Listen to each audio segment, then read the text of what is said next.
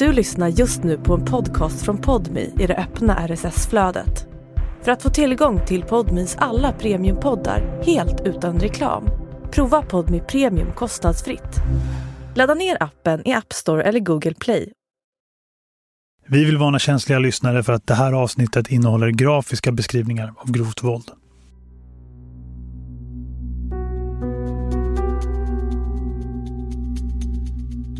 Du lyssnar på Utanför murarna, där jag, Josefin Freje, träffar grova brottslingar som muckar från fängelset och nu är ute i samhället.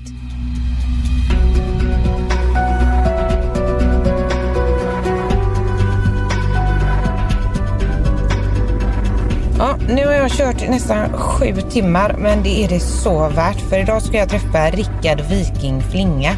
Svensk-amerikanen som fick 45 års fängelse i Texas. Känd för att jag bokstavligen har avrättat en pedofil. Rickard misstänkte att en man hade begått sexuella övergrepp mot hans då sjuåriga dotter. Så han sköt honom med minst 11 skott i huvudet.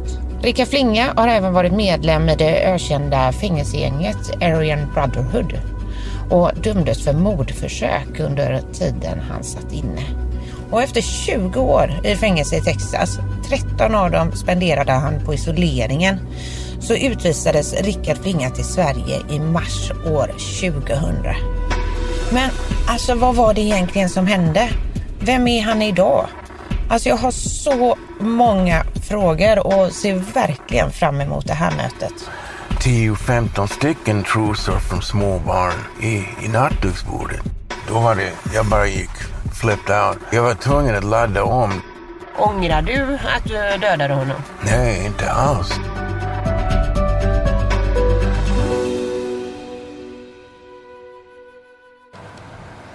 Nu sitter jag här i lobbyn på ett hotell. Börjar bli lite nervös att han inte ska dyka upp. Aj, aj, aj. Suttit där en timme och 15 minuter. Jag åker fan hem till honom. Han bor en timme härifrån. Om 400 meter ligger destinationen till höger. Jag närmar mig. Så här är bara skjul och gamla julgranar. Det här är verkligen mitt ute i ingenstans. Hallå! Rickard! Ja, han har hört mig ropa här utanför. Så snart kommer Rickard flinga ut genom dörren. Hoppas vi. Medan vi väntar på att huvudpersonen ska dyka upp kan du få lite snabb bakgrundsinfo om vem Rickard Viking Flinga är. Han föddes i Argentina år 1951. Mamman var finlandssvensk och pappan tysk-svensk. När han var liten flyttade han till Los Angeles där han växte upp innan han skaffade fru och två barn i Texas. Rickard är en av de svenskar som suttit allra längst i fängelse i USA. Men till skillnad från Annika Östberg som många känner till blev det aldrig något folkkärt sommarprat i P1. Istället har Rickard hamnat här, på en bakgård av ett nedstängt fik vid den enda rondellen i något som kanske en gång kunde liknas vid en by. Det är Spillevink! Vad fan, här har man kört 50 mil vet. och så kommer du inte. Så, där har vi askfat. Titta. Men nu har vi hittat varandra i alla fall. Ja, ja, förlåt. Och här är det fyra samtal som jag har missat från dig. Det gör jag. Men jag stänger av det för det är ingen, ingen som ringer mig. I don't have any friends. Har du det ganska ensamt nu? Du har ingen familj och, och sådär? Nej, nej, Nej. nej, ingenting. Ingenting? You know, det här är... You know, jag har längtat efter att få träffa dig och sen går det här snett. Som att, att ingen kommer hit. Nej. Nobody comes here. Ibland kommer det någon som har kört fel och undrar... De har öppnat en liten ställe här under mig. Eh, De gör matlådor och sånt. Och när de är stängda då kommer de och knackar på. Ja, men eh, var är matlådorna? It's not my business. It's not my business. Hur länge har du bott eh, här då? Jag jobbade, jag körde lastbil för kommunen här och jag gick i pension fem år sedan. Så det är sju år. Ja. Men trivs du här? Är det bra? Nej. Nej. Nej, jag trivs inte på grund av att det är så nersliten. Jag har betalningsanmärkningar. Jag kan inte... Förstår du? I can't, I can't buy an apartment. Och jag bara sa okej, okay, men jag, jag, jag har inget val. I take it. Förstår du? In other words, I don't have any choice.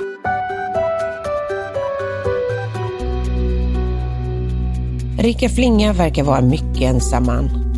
Hans ansikte är ärrat av åren. Under hans vänstra öga är det tatuerat en tår. En tatuering som bara den som har suttit för mord får bära. Är du stolt över din tår? Nej. Nej. Nej, det var, det var bara någonting som man gör. Vi ska börja med dagen som förändrade hans liv för alltid. Hon var nästan åtta. Mm. Det hände 7 juli 81. Och när ett barn är 20 år gammal, man säger inte bara okej, okay, men gå och duscha nu. Förstår du? Mamma, she, she makes a bath och klär av henne och allt. Och hon hade inga trosor på sig. Då frågade min fru, you know, ibland kissar de på sig när de är unga och gömmer dem. Och hon började grina. You know, I didn't know. Jag sitter och röker och tittar på TV.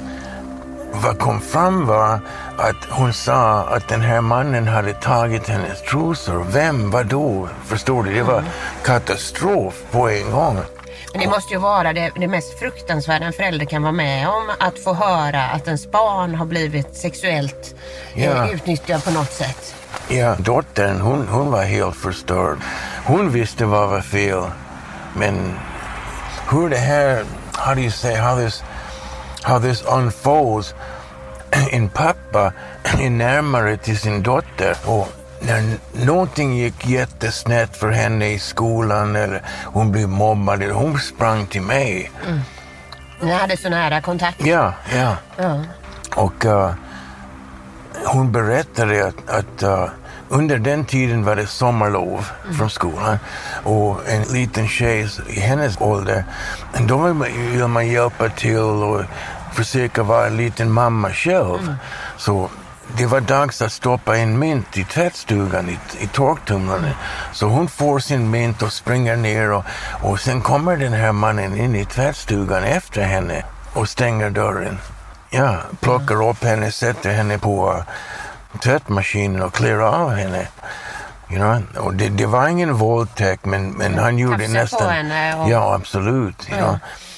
och sa till henne, och det är som att om du skulle säga till mig, okej okay, Rick, if, if you do this I'll kill you, då skulle jag bara säga ja visst. You know. Men en litet barn, han sa det, jag kör halsen av dig om du säger någonting. Så hon var skiträdd. Och sen kom det fram och då, då var det kanske en timme mycket tårar och gråt. Vad ska vi göra? Hur ska vi bevisa? Förstår du allt mm. det här? Så jag bara, jag hade en pistol. Alla har pistoler i USA.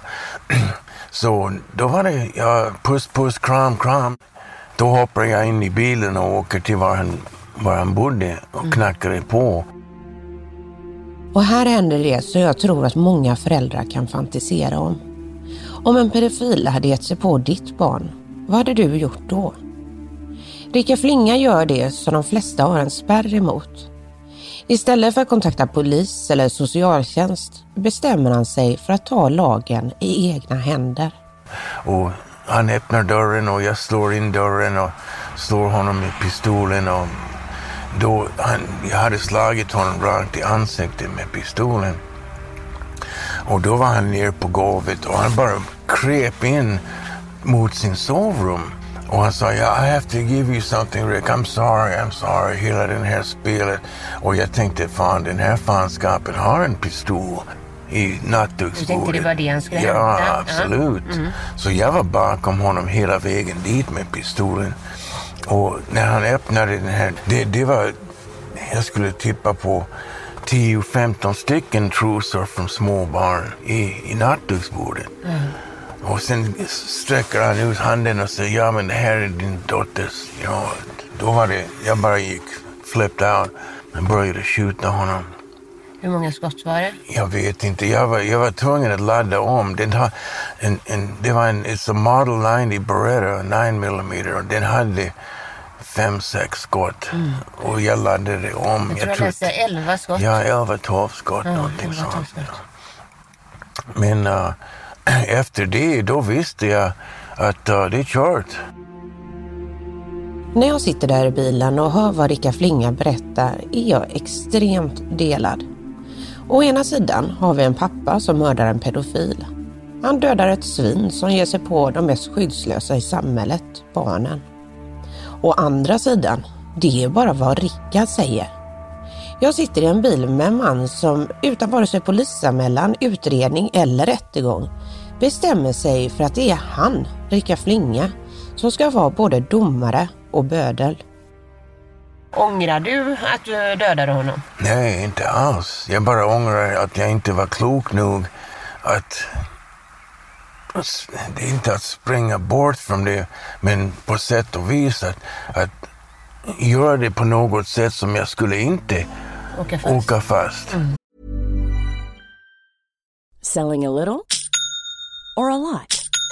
Shopify helps you do your thing however you cha-ching. Shopify is the global commerce platform that helps you sell at every stage of your business. From the launch your online shop stage to the first real life store stage, all the way to the did we just hit a million orders stage. Shopify is there to help you grow. Shopify helps you turn browsers into buyers with the internet's best converting checkout. 36% better on average compared to other leading commerce platforms because businesses that grow grow with Shopify. Get a $1 per month trial period at shopify.com/work. shopify.com/work. Ha en flyktplan liksom. Ja, jag hade ingen plan eller någonting.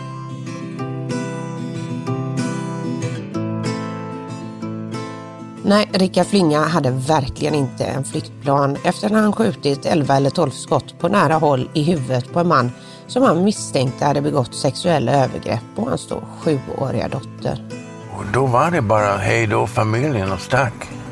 Hann du säga någonting till eh, din fru och, och dina barn och så in, innan du åkte? Inte så mycket. Nej. Inte så mycket. Man kommer in i en viss... It's a defensive, like a chocktillstånd. Det är inte någonting som man gör varje dag. Men det var, you know, I'll get in touch. Jag ringer, okej, you know, jag måste dra nu. Och sen blev det inget mer efter det. Om Rickard Flinga hade gjort samma brott i Sverige hade han riskerat livstid. Men i praktiken kunde vara ute igen efter 14 och ett halvt år. Nu befinner han sig i. Texas,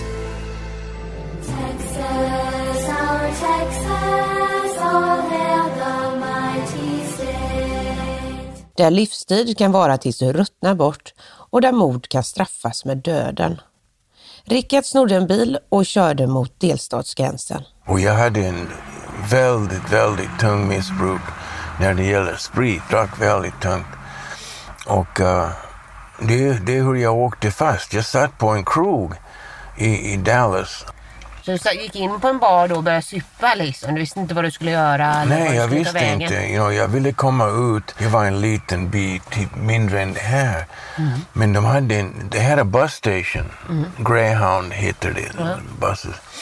Så jag hade köpt en biljett och bussen skulle inte gå för typ tre timmar. Så då går jag ding, ding, ding, ding, rakt in på en krog och sitter där och super. Men uh, det är hur det gick snett. Och snett gick det.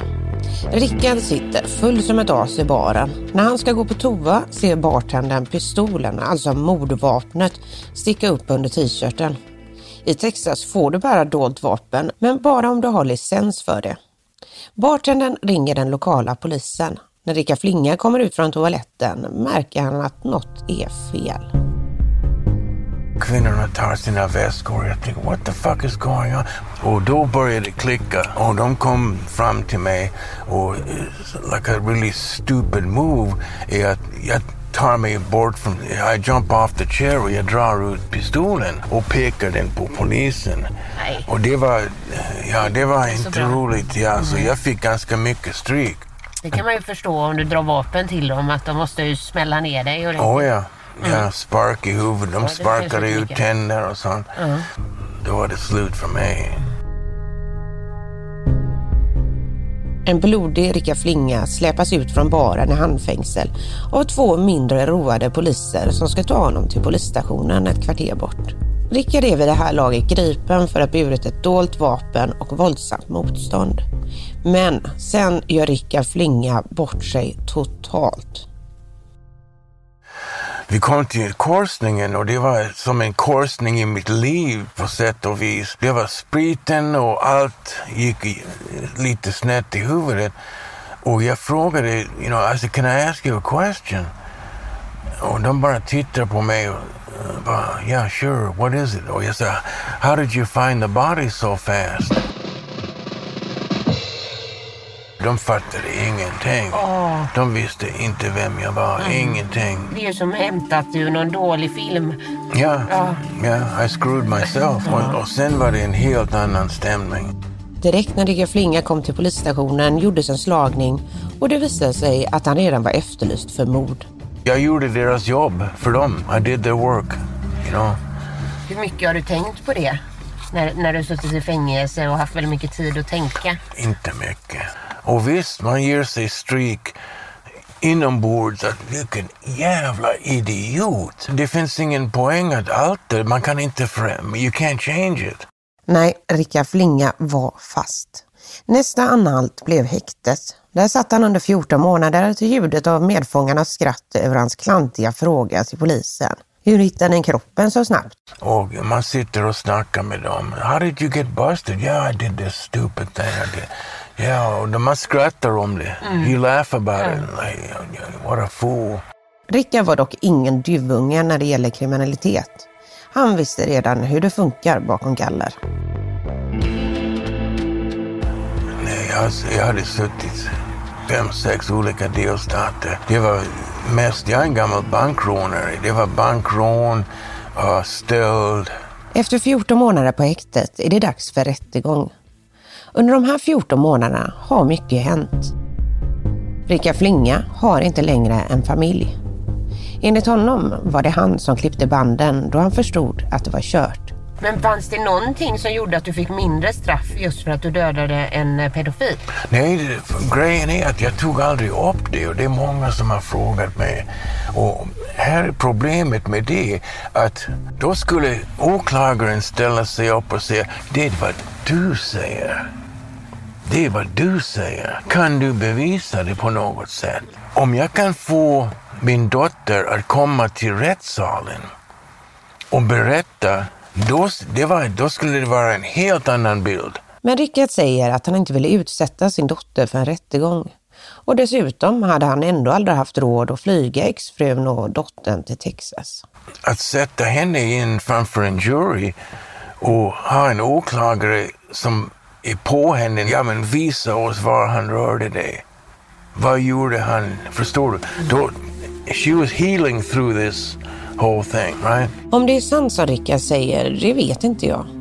Det jag vet är att han hade kunnat få betydligt lägre fängelsestraff om dottern tvingades vittna om det påstådda övergreppet. Nej, det går inte. Det går inte. You know, hon måste gå vidare. Och min fru hade träffat någon annan och det var, you know, den biten av mitt liv var helt bortklippt. It's, it's gone. Det är över. Men har det funnits många som, som eh, anklagar dig för att det är en efterkonstruktion? Alltså att du sköt den här killen av en annan anledning. Men det låter bättre att skjuta en pedofil. Nej, jag har hört det förut. Jag har hört det förut. Och allt jag kan säga om den biten är att det, det är hur jag säger. That's what, that's what it is. Åklagaren yrkade på livstidsfängelse, men domaren vände sig och tittade på Rickard. Så han tänkte på det kanske två sekunder och sa nej men på grund av your education, you were in the military under Vietnamkriget och bla bla bla. Så då fick jag 45 år. 45 år fängelse i Texas. Ja, ni fattar. Det hade krävts en hel poddserie bara för det ämnet. Men lugn, du ska få en inblick i fängelsetiden.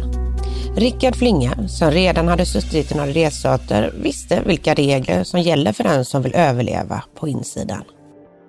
Nej, man tittar inte. Det är som att när man när man är på en avdelning i Texas, when you're in a cell block, det är 25 cell lång, tre våningar. när man är på väg tillbaka från middag eller någonting, man går raka vägen till sitt cell och går in.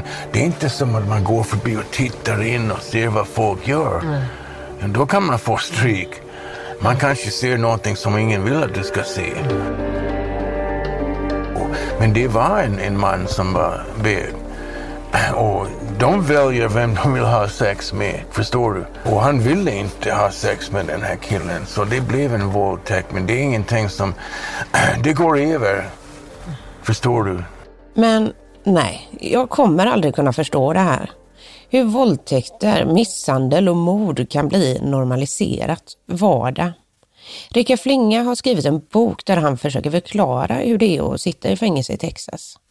Boken heter Iskallt och stenhårt och börjar med att Rickard försöker mörda en medfånge. Ljudboken är uppläst av Karl Jakobsson. Han hade händerna om min handled och försökte skjuta ut kniven ur bröstet. Och då lutade jag mig mot honom och körde in den igen. När de hittade honom låg han på golvet med en stor del av tarmarna runt midjan. Och jag hade stuckit ner honom, men uh, det, det blev lite övervåld. Men... Uh, det var väl ganska mycket övervåld? Ja, ja, men det finns ju tillräckligt vakter, förstår du? Det var inte deras uppgift. Deras vaktens uppgift var att man inte rymmer. Mord, det är ingenting. Så länge de bara dödar varandra, då skjuter vi i det. We don't care. Mannen som Rickard Flinga lämnade att dö med inälvorna på golvet överlevde mirakulöst. Och tack vare att ingen vittnade fick Rickard bara några år extra adderas på sitt redan långa fängelsestraff för mordförsöket. Det här var absolut inte roligt och det är inte som att jag skäms för det men... Varför behövde han dö då? Ja, men det handlade om pengar. Mm. Det handlade om pengar. Han hade, pengar och respekt. Han hade, det här handlade bara om eh, typ 10 dollar. Oj. Ja. Ett människoliv, 10 dollar. Rika Flinga berättar att det var mycket pengar i fängelset. De köpte limpor och cigaretter, kaffe och andra produkter i kiosken. Men den var bara öppen två gånger i månaden. Allt handlar sedan om byteshandel mellan fångarna. Lånar du två paket cigg blir du skyldig tre. Det är en tillit-grej. Mm. Annars kan det gå snett som det gick i det här fallet. Folk vet. You can't have too many secrets in prison. Som helst, och när han blåste in av us. Head over to Hulu this March, where our new shows and movies will keep you streaming all month long. Catch the acclaimed movie All of Us Strangers, starring Paul Mescal and Andrew Scott. Stream the new Hulu original limited series We Were the Lucky Ones with Joey King and Logan Lerman. And don't forget about Grey's Anatomy. Every Grey's episode ever is now streaming on Hulu. So, what are you waiting for? Go stream something new on Hulu. Han fick en chans. Han gömde sig någonstans. Oh, I forgot, I forgot. Sorry, now I'll get it next time, next time. Och sen till slut, det blir ingen next time. Och då blir vi hånade. Att vi hela inte, gänget drabbat då? Liksom, ja, inte hela gänget, mm. men hela konceptet mm, mm. är att you don't fuck with us. Mm. Don't fuck, we'll leave you alone, it's no problem. Don't fuck with us, we don't fuck with you. Vad är det då för gäng som Ricka Flinga tillhörde? National Geographic. The Aryan Brotherhood. One of the most powerful and notorious gangs in the history of US prisons. Aryan Brotherhood, Ariska brödraskapet, är ett fruktat kriminellt högerextremt gäng som står bakom hundratals mord både innanför och utanför murarna. Som de flesta gäng i amerikanska fängelser bygger tillhörigheten på hudfärg. Typ 60, över 60 procent av fångarna i Texas är svarta. Och då blir det om jag säger att oh ja, men du är en rasist. Nej, jag är inte en rasist, I'm a realist. Bland andra FBI beskriver Aryan Brotherhood som ett gäng som drivs av pengar och makt. Med medlemmar som är både nynazister och KKK, Ku Klux Klan. Rika Flinga hade länge en svastika tatuerad på sig. Den har han täckt över idag. Hur kom du med i de här Aryan Brotherhood? Ja, men det var jag och flera andra som, som skapade hela grejen. Det var jag som skrev ut hela, det var två, tre sidor A4, alla regler och vad man måste göra, vad man inte kan göra och sånt. Och det var bara att visa att, att if you mess with one of us, you're gonna have to mess with every one of us. Alla. Alla är idag runt 20 000 medlemmar. Aryan Brotherhood startades på 60-talet på de ökända fängelserna San Quentin och Folsom Prison. Och de har sedan dess spridit sig från fängelse till fängelse. En av de regler som gänget är känt för är blood in, blood out. Det var, det var någonting som jag tog stor strid emot. Man måste döda att komma in. You die to get in, you die to get out. Och jag tyckte att det var så jävla dumt. Att varför ska du ställa till dig med ett mord? Om du in, sitter inne för en bankrån för tio år och du vill vara med och de säger okej, här är en kniv, du måste döda den här negern. Ja, Och sen gör du det och då får du livstid. Vad är vitsen med det? Men vadå, kunde ni hitta på egna regler i ert eh, Ja, det var jag som gjorde det. Ja. Jag skrev ut alla regler. Och det handlade inte om att, att, att, att döda någon. If you get disrespected in some way, då, då, då tar du hand om dig själv eller om det är två eller tre andra. Du, we, we just, we settle it. That's it.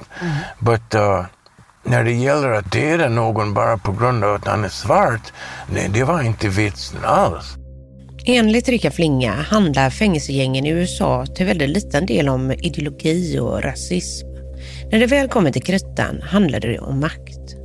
Och är du vit har du inte så många andra gäng att välja på. You had the Texas Syndicate, det var den största TS.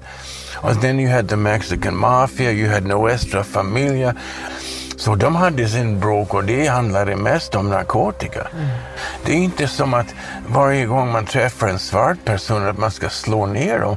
Men, men det är som att om, if they disrespect you, då, då kan det gå snett. Stay out of our way, we stay out of your way. Har du förändrats Nej, jag av, tror av, eh, av att? Ja, det, det är en bra fråga. för Jag har tänkt på det, inte längre, men det är som att det är någonting som saknas i min, vad kan man säga, det är inte min moral, men det är som att uh, när de släppte ut mig, då hade jag suttit i en betonglåda på lite över tre, tre kvadratmeter i 13 år.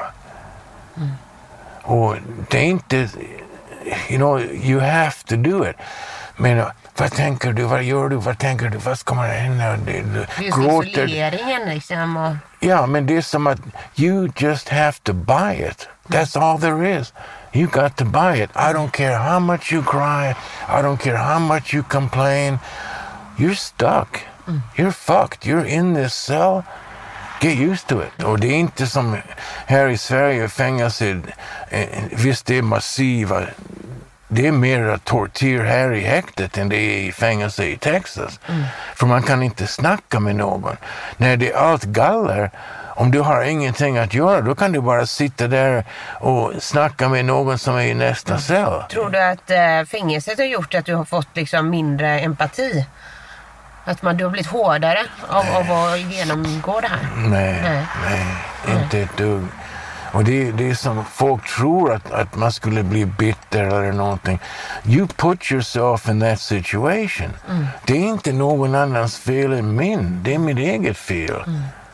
Det är jag som har gjort det här. Det är jag som gjorde så att jag hamnade i... i uh, Rickard Viking Flinga överlevde 20 år i fängelse i Texas, varav 13 år i isoleringen.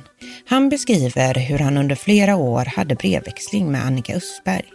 Tillsammans kämpade de två morddömda svenskarna med byråkratin och UD för att få komma till Sverige. Rickard fick först avslag för att han inte hade tillräcklig anknytning. Detta trots att hans mamma, pappa och bror var svenska medborgare som vid det här laget bott flera år i Sverige för jobb och studier. Men i mars 2000 var det äntligen dags. Rickard Viking Flinga landade på svensk mark. Ja, precis. Men då hade du aldrig varit i Sverige? Nej, Nej. nej. Men du blev liksom utvisad sen då till Ja, Sverige? de har ett lag i, uh, i USA att om man är medborgare av ett annat land, Mm. då sitter du ut din straff. Men du får aldrig komma ut på gatan, förstår du? Mm. Jag blev överlämnad till Harris Immigrationsverket. Men uh, det blev aldrig det här som man ser i film eller någonting sånt, att man kommer ut och sen när man oh, helt ställd, oh, cars, look, there's a car. Förstår du? Det, det, Det blev inte så. nej, det, det, det blir inte så. Hur Men var ba- det när du landade liksom och, och du kom till Sverige för första Ja, gången? det var jätteroligt. Det var, it was fantastic. Men då hade du, vad hade du för plan då? Liksom? Hur, hur klarade du dig när Ja, du jag hade ut? brevväxlat med en kristen familj i Västerås. Och eh, de sa att ja, men när, du, när du kommer ut då, då träffas vi på Arlanda. Arlund, Arlanda. Arlanda. Och då, jag bodde hos dem för, vad var det, mars, april, may, june, july, august, fem, fem månader efter jag kom hit hade jag skaffat lägenhet, lärt mig språket, kunde läsa och skriva svenska och skapade, skapade första jobbet. På fem Vad jobbade du med då? då? Jag jobbade på en ställe, den, den är i konkurs nu. Mm, Det var en, en leverantör som hette Saba och det var de som jag körde truck. De skickade ut grönsaker och frukt till alla, till Ica, till Coop och man plockar, man får en order, you know, plocka så många. Ja, Det var väldigt bra jobbat. Alltså, hur många månader sa du när du lärde dig s- språket? Ja, när jag flyttade ut, när jag fick jobb. lägenheten och första jobbet, fem, sex månader. Men du verkar ha gjort så mycket efter att du kom ut i sågverk. Var du fritidspedagog också? Mm, ja. Och föreläsare? Ja. För att många gånger kan det vara väldigt svårt om man har suttit länge i fängelse och ens få något jobb. Alltså, hur, hur har du klarat det? Ja, men det, det, jag vet inte. Det, det, grejen är att det är för många som säger att okej, ja, jag har suttit inne, tycks synd om mig, fixa någonting för mig. Jag var van att fixa saker för mig själv. Då lånade jag cykeln från familjen som, som jag bodde Och då var det cykla ner till stora kontoret för ABB och knacka på dörren. Jag behöver ett jobb. Vad kan du göra? Det här, jag kan svetsa, jag kan svarva. Det- Dömde de dig på något sätt alltså, när de såg din tårtatuering i Inte, inte som jag vet. Nej. Inte som jag vet Josef. Ingen sa någonting. Ingenting. Men, men jag fick, jag, till slut fick jag ett jobb. Jag bara knackade på och knackade på tills någon sa okej. Från helvete på jorden, 20 år som gängmedlem i fängelse i Texas, för att sedan köra grönsaker till ICA och bo hos en kristen familj i Västerås. För att förstå Rickard Viking Flinga behöver vi förstå var han kommer ifrån. From my backyard, I could run to Hollywood Boulevard in 15 minutes. So I grew up right in the middle of Hollywood and Vine. I knew everything. 60-talet när de började sätta in these stars in the sidewalk and all that. Du är född i Argentina Ja. och din pappa är från Tyskland och Ja. mamma var det Finland. Ja. Oj, oj. Ja. Ja, men det är, en, det är en historia som jag tänker på.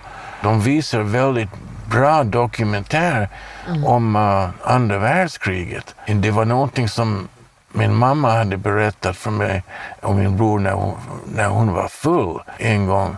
Att pappa var med i den här stridet för Stalingrad. So he was a German soldier. Men var han nazist? I suppose so, but I mean, I never got his opinion.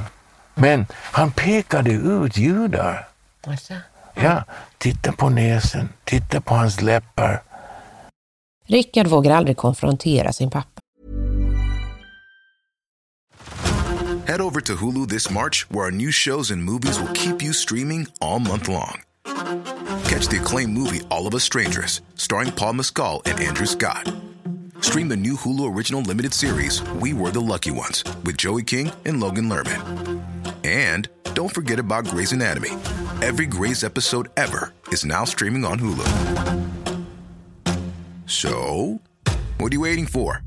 Go stream something new on Hulu. Fysisk och psykisk misshandel var vardag i hemmet. Hur min, what you, what you call upbringing, min uppfostran, det, man gjorde inte samma misstag två gånger. Man gör det en gång och får jävla mycket stryk. Man gör inte om det. Och, and that was in a sense, that's how I learned to live. Rickard hade dock en stor hemlighet för sin nazistpappa. Two of my best, best friends in my life, both of them were Jewish. But I never told my parents. Om jag hade sagt vad de hette i efternamn, då skulle det vara, "Du, vadå, Leventhal? Det här är inte någon arisk namn. Nej. Förstår du?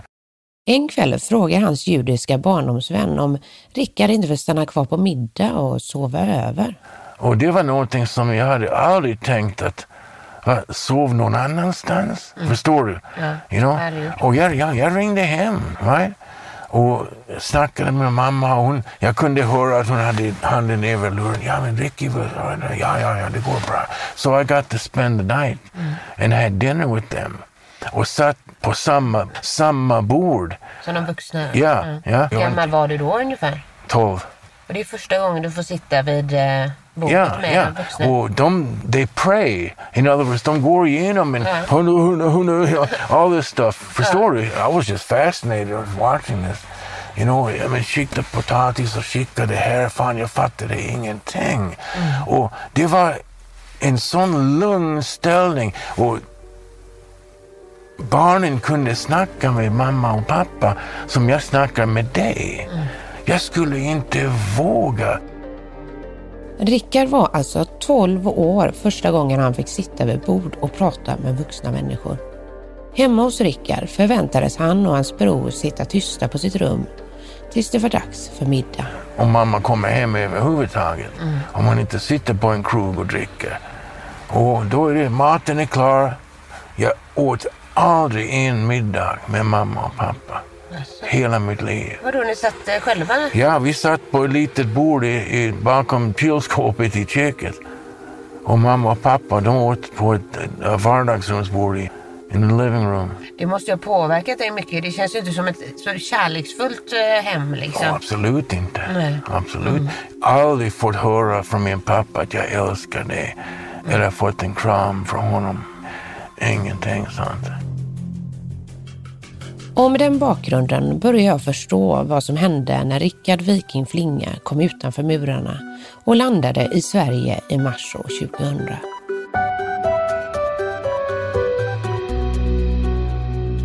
När jag var gift med en svensk kvinna här. Anledningen till det, hela, inte hela, men 90 procent av det handlade om konflikt mellan mig och hennes barn. Och det var som att när jag växte upp, då fick jag lära mig barn bestämmer inte en jävla dugg. Och så Du kommer får- svenska barn. Ja, sen kommer det, hon hade tre vackra barn, nice kids, right? I don't know, the sun was red here, I don't know where he came from, but Rickard var gift med en svensk folkhögskolelärare i några år. Men de ständiga konflikterna mellan honom och tonårsdottern i huset eskalerade. De hade en gillestuga där dottern bodde. Rickard fick spel när hon hade tagit fram en häftpistol för att sätta upp tyg för en himmelsäng. Men en häftpistol, förstår du? In i taket. Och hängt ner allt det här. Och det var kanske hundra stycken. Och allt jag ser, ja visst, det ser hur fint som helst ut. Men du måste dra ut varje jävla stift innan vi kan sälja det här huset. För vi vill flytta till Uppsala. Jag kommer inte att dra ut någon jävla stift. Sa du? Ja. Ja. Så, så det gick en vecka och allt var kvar, allt var kvar. Ingenting. She hadn't changed anything. Right? Så en dag, det var jobbigt på jobbet, kommit hem. Jag jobbade i skift på en sågverk. Försöker att sova på dagen anyway. Jag var lite full också. Jag förstörde hela gillestugan. Jag menar allt. Hon hade byrå med speglar på och allt. Jag slog sönder hela jävla gillestugan. Och sen då var det bara, jag satt, jag satt i köket och söp och väntade för barnen. Så hon går in och det tog, jag hörde henne, för dörren var lite trång, slam the door. Det tog kanske 30 sekunder hon bara skrek. I mean full hals. Och då hade du slagit sönder hela hennes rum? Mm, Ja, eller? ja, det var, det var ingenting. Vad sa frugan om det här? Ja, ja men hon, hon var inte glad.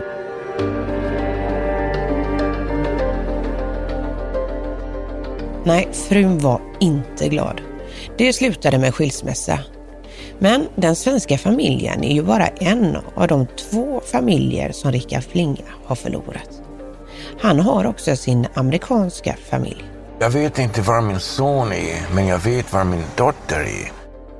Under flera år hade de brevväxling, men Rickard verkar rädd för att träffa sina barn. Och vad händer då? Då öppnas en, som man kan kalla för en, like a Pandoras box. När vi sitter där i bilen blir det tydligt att han känner skam. Han vill inte att hans barn ska komma hit. Utanför bilen där vi sitter står rostiga containers. Lägenheten var tidigare hem för missbrukare och hemlösa. You know, jag, har, jag har min säng, soffa och allt, men det är väldigt nersliten. Och det är som att jag har inte råd att springa ut och köpa en säng. Förstår du? Det är, it's impossible. Och sen har jag den här tanken också att I, I could fix this. I could fix this. Hans dröm är att kanske ha råd att flyga till Mexiko, ta in på hotell och att dottern, hon som han säger sig ha dödat för, ska kunna ta sig över gränsen. Rickard Flinga, han får inte sätta sin fot i USA igen. Jag hade kontakt med min son flera år sedan. Då var han, han var i, uh, he was a career military in Afghanistan. Och han sa, ja men det spelar ingen, jag sover på golvet, jag vill träffa dig. Och jag bara sa, nej det går inte. Varför då? Det går Om, om inte. de vill ändå. Alltså, Ja men, det är ändå deras man pappa. inte- ja, ja, Hur det än ser ut. Ja men det, det, det spelar en stor roll för mig att, att you know, vanliga folk har en gästrum, de har en extra sovrum. Förstår du? They have it put together. Okej, visst, det, det är inget problem att sitta och snacka ett par timmar, men uh, you know, jag har en tresits soffa som går inte att sova på. Och jag skulle inte säga till min son, okej, här, här är en kudde, lägg dig på golvet. You know, Jag vill att det ska även, vara även bra. om han vill det. Ja, jag vill att det ska vara bra. Och vad fint. Men uh, ja, men det går inte. Rickard slår bort varje argument med att det inte går för att han är för fattig. Men i grunden finns det också en annan anledning till varför han inte träffar sina barn på över 40 år. Man skulle tro att, att det skulle vara en a priority. Men uh, det, det finns inte. Jag tänker på dem visst, men you know, min, min fru gifte om sig och allt. Och, you know, det var någon annan som, som somebody else that, that raised them. Det var inte jag. Jag är en, helt, jag är främling till dem. Det är ganska så sorgset där vi sitter och röker i min bil. Jag uppskattar verkligen hur Rickard Flinga öppnar sig och berättar om sitt liv. Men samtidigt verkar livet utanför murarna varit svårare än det liv han kände till bakom galler. Det är inte någon som, som, uh, som ringer på och säger ja, jag kommer förbi och vi hänger för en stund. Eller inte. Nej. Vad kan du göra åt det då, den här, att komma ur ensamheten? Jag, jag bryr mig inte. Gör du inte? Nej. Nej. Du har ju varit alls. isolerad så länge. Ja, men jag är van att vara med mig själv. Och så fort man tar andra personer in i livet, då måste man ge för mycket ibland. Du sitter aldrig med ryggen mot dörren? Nej, jag vill se vem kommer in. Det är alltid ryggen mot väggen.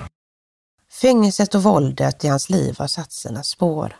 Rickard Viking Flinga tror dock att alla, även du och jag, kan gå över den där gränsen som han för länge sedan passerat.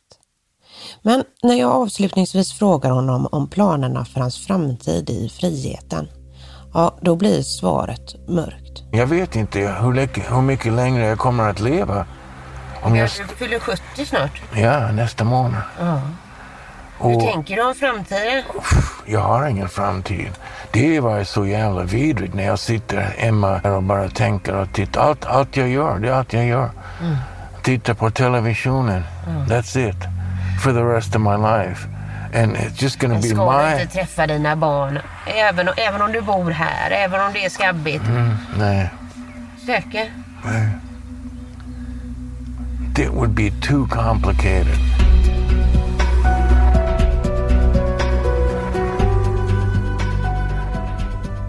Tack för att du lyssnar på Utanför murarna. Jag heter Josefin Freje och du får jättegärna höra av dig till mig med synpunkter och tips på vem jag ska träffa härnäst. Mailen är utanformurarna.gmail.com Du har lyssnat på Utanför murarna, en exklusiv poddmiproduktion av tredje statsmakten. Reporter var Josefin Freje, producent för avsnittet var Viktor Aldén, exekutiv producent hos Podmi var Joni Söderström Winter.